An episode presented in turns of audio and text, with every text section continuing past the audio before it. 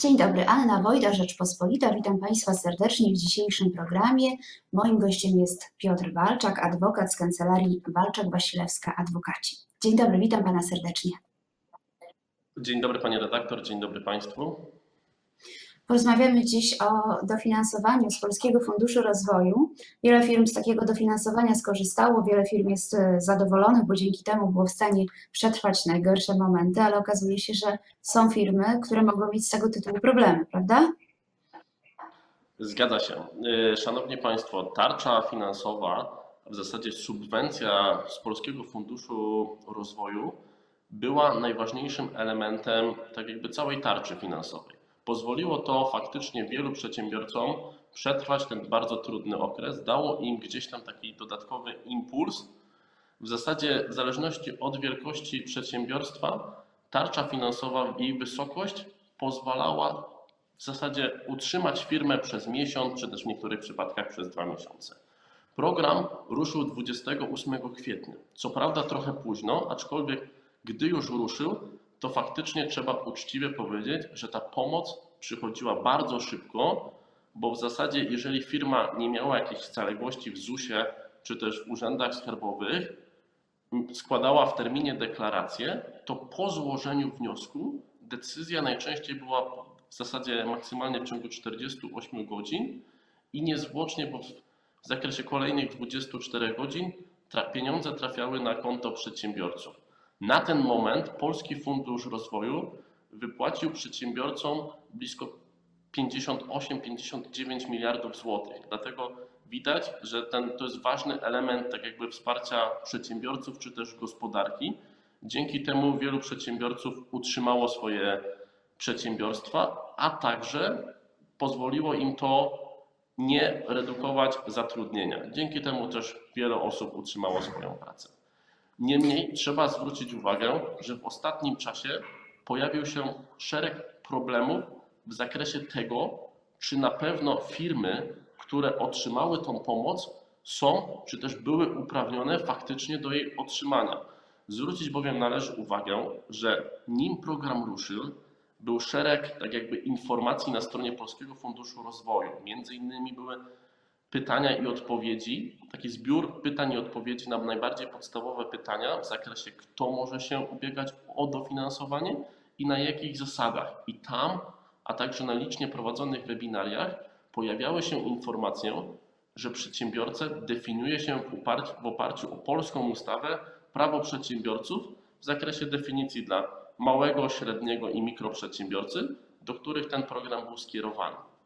Następnie w dniu, w którym program ruszył, pojawił się na stronie internetowej Polskiego Funduszu Rozwoju regulamin, który rzecz jasna jest kluczowy i on wskazuje w sposób jednoznaczny, że ta dotacja przeznaczona jest dla przedsiębiorców małych, mikro i średnich, definiowanych w oparciu o wytyczne Komisji Europejskiej, gdzie tam do obrotów też przedsiębiorców, do kryteriów, na podstawie których jest ustalany, czy dany podmiot jest małym, mikro czy średnim przedsiębiorcą.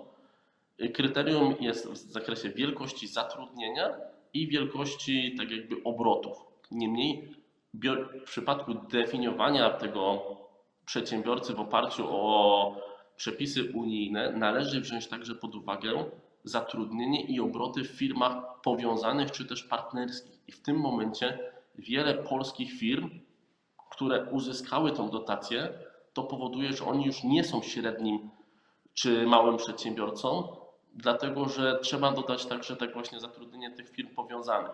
I w tym momencie jest problem, bardzo duży problem, co takie firmy, które kierowały się na podstawie, składając wniosek o dotację, kierowały się tak jakby obowiązującymi wytycznymi PFR-u nie doczytały kwestii regulaminu, co one z taką subwencją, która została im przyznana, wypłacona, a niejednokrotnie przez firmy wykorzystana w zakresie bieżących potrzeb, co one powinny zrobić. Tu jest powiedzmy bardzo duży problem, który powstał i należy go jak najszybciej rozwiązać. No dobrze, ale czy to, y, że przedsiębiorca błędnie określił wielkość firmy, kierując się najpierw tymi informacjami, które, y, które znalazł w internecie, a potem dopiero zobaczył w regulaminie, że się to zmieniło, czy to może być traktowane jako jego błąd? Bo było tak, że było mnóstwo różnych informacji, przedsiębiorcy mogli się w tym wszystkim pogubić zwyczajnie. Zgadza się. Trzeba pamiętać, że po pierwsze, y, wnioski te przedsiębiorcy składali w okresie, który był dla nich bardzo trudny i ostatnią rzeczą, której dany przedsiębiorca na etapie tego myślał, żeby, żeby po prostu przeglądać i sprawdzać milion przepisów. Zobaczył informację, która była najprostsza, bo najłatwiej się przedsiębiorcom czyta nie długie i skomplikowane regulaminy, tylko się czyta po prostu taki katalog pytań i odpowiedzi. I w tym momencie ktoś po prostu, pomimo tego, że złożył, niestety złożył to w sposób błędny. I tutaj teraz pytanie jest takie, czy będzie jakaś pomoc ze strony państwa, konkretnej z Polskiego Funduszu Rozwoju, czy te firmy, które skorzystały z tej pomocy, a nie były uprawnione, będą miały jakąś taką tutaj taryfę ulgową w zakresie tego, bo aktualnie 28 maja wszedł nowy regulamin, tak jakby z informacją, że podmioty, które uzyskały dotacje na podstawie nieprawdziwie wskazanych danych, zobligowane są do zwrotu całej kwoty subwencji w terminie 14 dni. I to spowodowało, że mamy bardzo duży aktualnie tak jakby problem. Część spółek, które już tą dotację dostały, same zwróci, dokonały zwrotu tej subwencji, aczkolwiek należy pamiętać, że to jest bardzo rzadka sytuacja, dlatego że większość firm już tą dotację tak jakby wykorzystała na realizację bieżących potrzeb. No tak, ja tutaj- próbuję sobie teraz wyob- próbuję sobie teraz wyobrazić, że jak firmy zaczną zwracać te pieniądze, no to się okaże, że nie będą miały na dalsze funkcjonowanie. To może rozłożyć wiele firm. Oczywiście, że tak. Znaczy wiele też firm już nie ma nawet na to, żeby te pieniądze zwrócić. I teraz pytanie jest takie, co mogą tacy przedsiębiorcy zrobić? Czy oni faktycznie, co się, co się wydarzy w sytuacji, jeżeli oni tej kwoty całej subwencji nie oddadzą w terminie 14 dni? Jakie będą tego konsekwencje? Jak się zachowa PFR? Czy PFR będzie po prostu w trybie niezwłocznym dochodził zwrotu tego, czy będzie też tak jakby dla przedsiębiorców jakaś karencja w tym zakresie, czy Mhm. będzie możliwość rozmowy pertraktacji ugodowego y, rozwiązania tego sporu, bo w innym przypadku może się tak okazać, oczywiście są firmy, które miały na tyle komfortową sytuację, czy też działają w branżach, które nie uległy aż tak jakby, aż tak mocno nie zostały dotknięte skutkami pandemii i one tą subwencję zwróciły i powiedzmy nie ma aż tak dużego problemu, Mhm. ale większość firm jest taka, że oni, że konieczność zwrotu w trybie takim w zasadzie natychmiastowym całej uzyskanej subwencji spowoduje, że w zasadzie tam będzie mówiąc kolokwialnie, będzie trzeba gasić światło, bo te firmy mogą sobie nie przetrwać, bo musimy cały czas pamiętać, że pomimo tego, że dzisiaj pewne ograniczenia gospodarcze są zdjęte, to w dalszym ciągu rynek nie powrócił do tego stanu sprzed pandemii. Dlatego gdzieś tam oczekiwania są przedsiębiorców takie, że ta pomoc im jest konieczna, a najgorszą, najgorszą rzeczą, jaką można zrobić, to zabrać to, co już dostali, dla tych osób, które też to wykorzystały. To jest po prostu bardzo trudna sprawa i bez jakiejkolwiek pomocy państwa, konkretnie PFR-u, problem ten nie zostanie rozwiązany. A Pana zdaniem, co powinien zrobić PFR? Jak, jakie podjąć kroki, żeby pomóc tym firmom?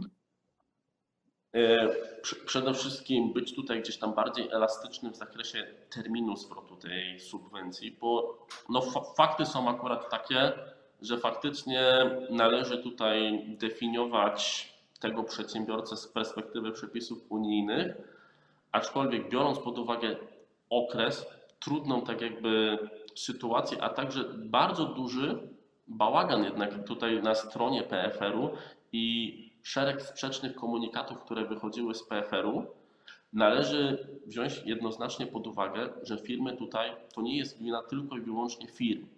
Firmy i przedsiębiorcy muszą mieć zaufanie do państwa i muszą, mają prawo uznawać komunikaty, które wychodzą ze strony państwa, czy też podmiotów, tak jakby działających tutaj w imieniu państwa, za wiarygodne. Nie może być tak, że ktoś tak jakby uzyskał jedną informację, musi jeszcze gdzieś tam zadać sobie daleko idący trud i weryfikować te informacje na podstawie regulaminu, zwłaszcza, że regula, regulamin pojawił się na stronie Polskiego Funduszu Rozwoju w dniu, w którym te subwencje zostały, zaczęły, zaczęły być wypłacane. Dopiero w tym dniu, tak jakby w dniu, w którym program ruszył, ten regulamin nie był wcześniej, dlatego tutaj tym bardziej gdzieś tam ci przedsiębiorcy są usprawiedliwieni i muszą oczekiwać tego, że chociażby ta subwencja, być może dobrym rozwiązaniem byłoby pozostawienie takiej możliwości, tak jakby jak pozostali przedsiębiorcy, którzy otrzymali tą subwencję zgodnie z przepisami,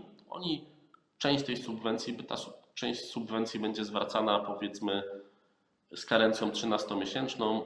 W ratach oczywiście wysokość tej części do zwrotu będzie zależała od kilku przesłanek.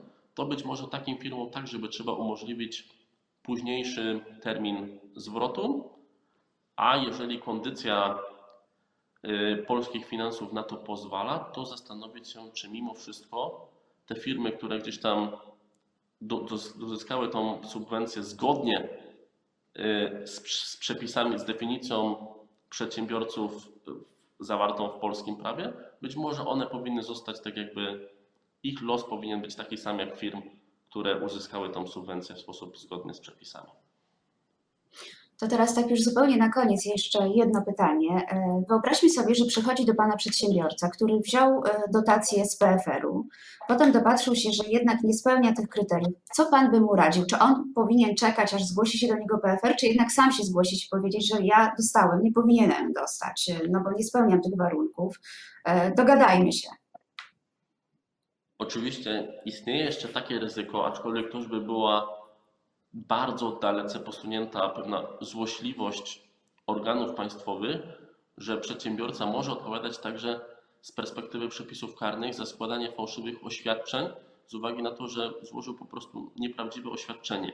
Niemniej my gdzieś tam sugerowalibyśmy każdemu przedsiębiorcy, jeżeli oczywiście jego kondycja jest na tyle dobra, że może to oddać, to żeby to oddał, a w sytuacji takiej, gdy jemu to nie pozwala, żeby po pierwsze próbował gdzieś tam rozmawiać, ewentualnie będą instrumenty prawne, które gdzieś tam pozwolą to wydłużyć termin tego zwrotu subwencji, tak jakby, tak żeby przedsiębiorca nie był tu już i teraz dotknięty koniecznością tego zwrotu. Ale zawsze liczymy, że też pojawią się jakieś takie wytyczne, potem problem będzie stosunkowo duży, że pojawią się jakieś takie wytyczne ze strony PFR-u, jak należy takich przedsiębiorców traktować. Na ten moment, tak jakby w tym zakresie nie ma jakichkolwiek informacji.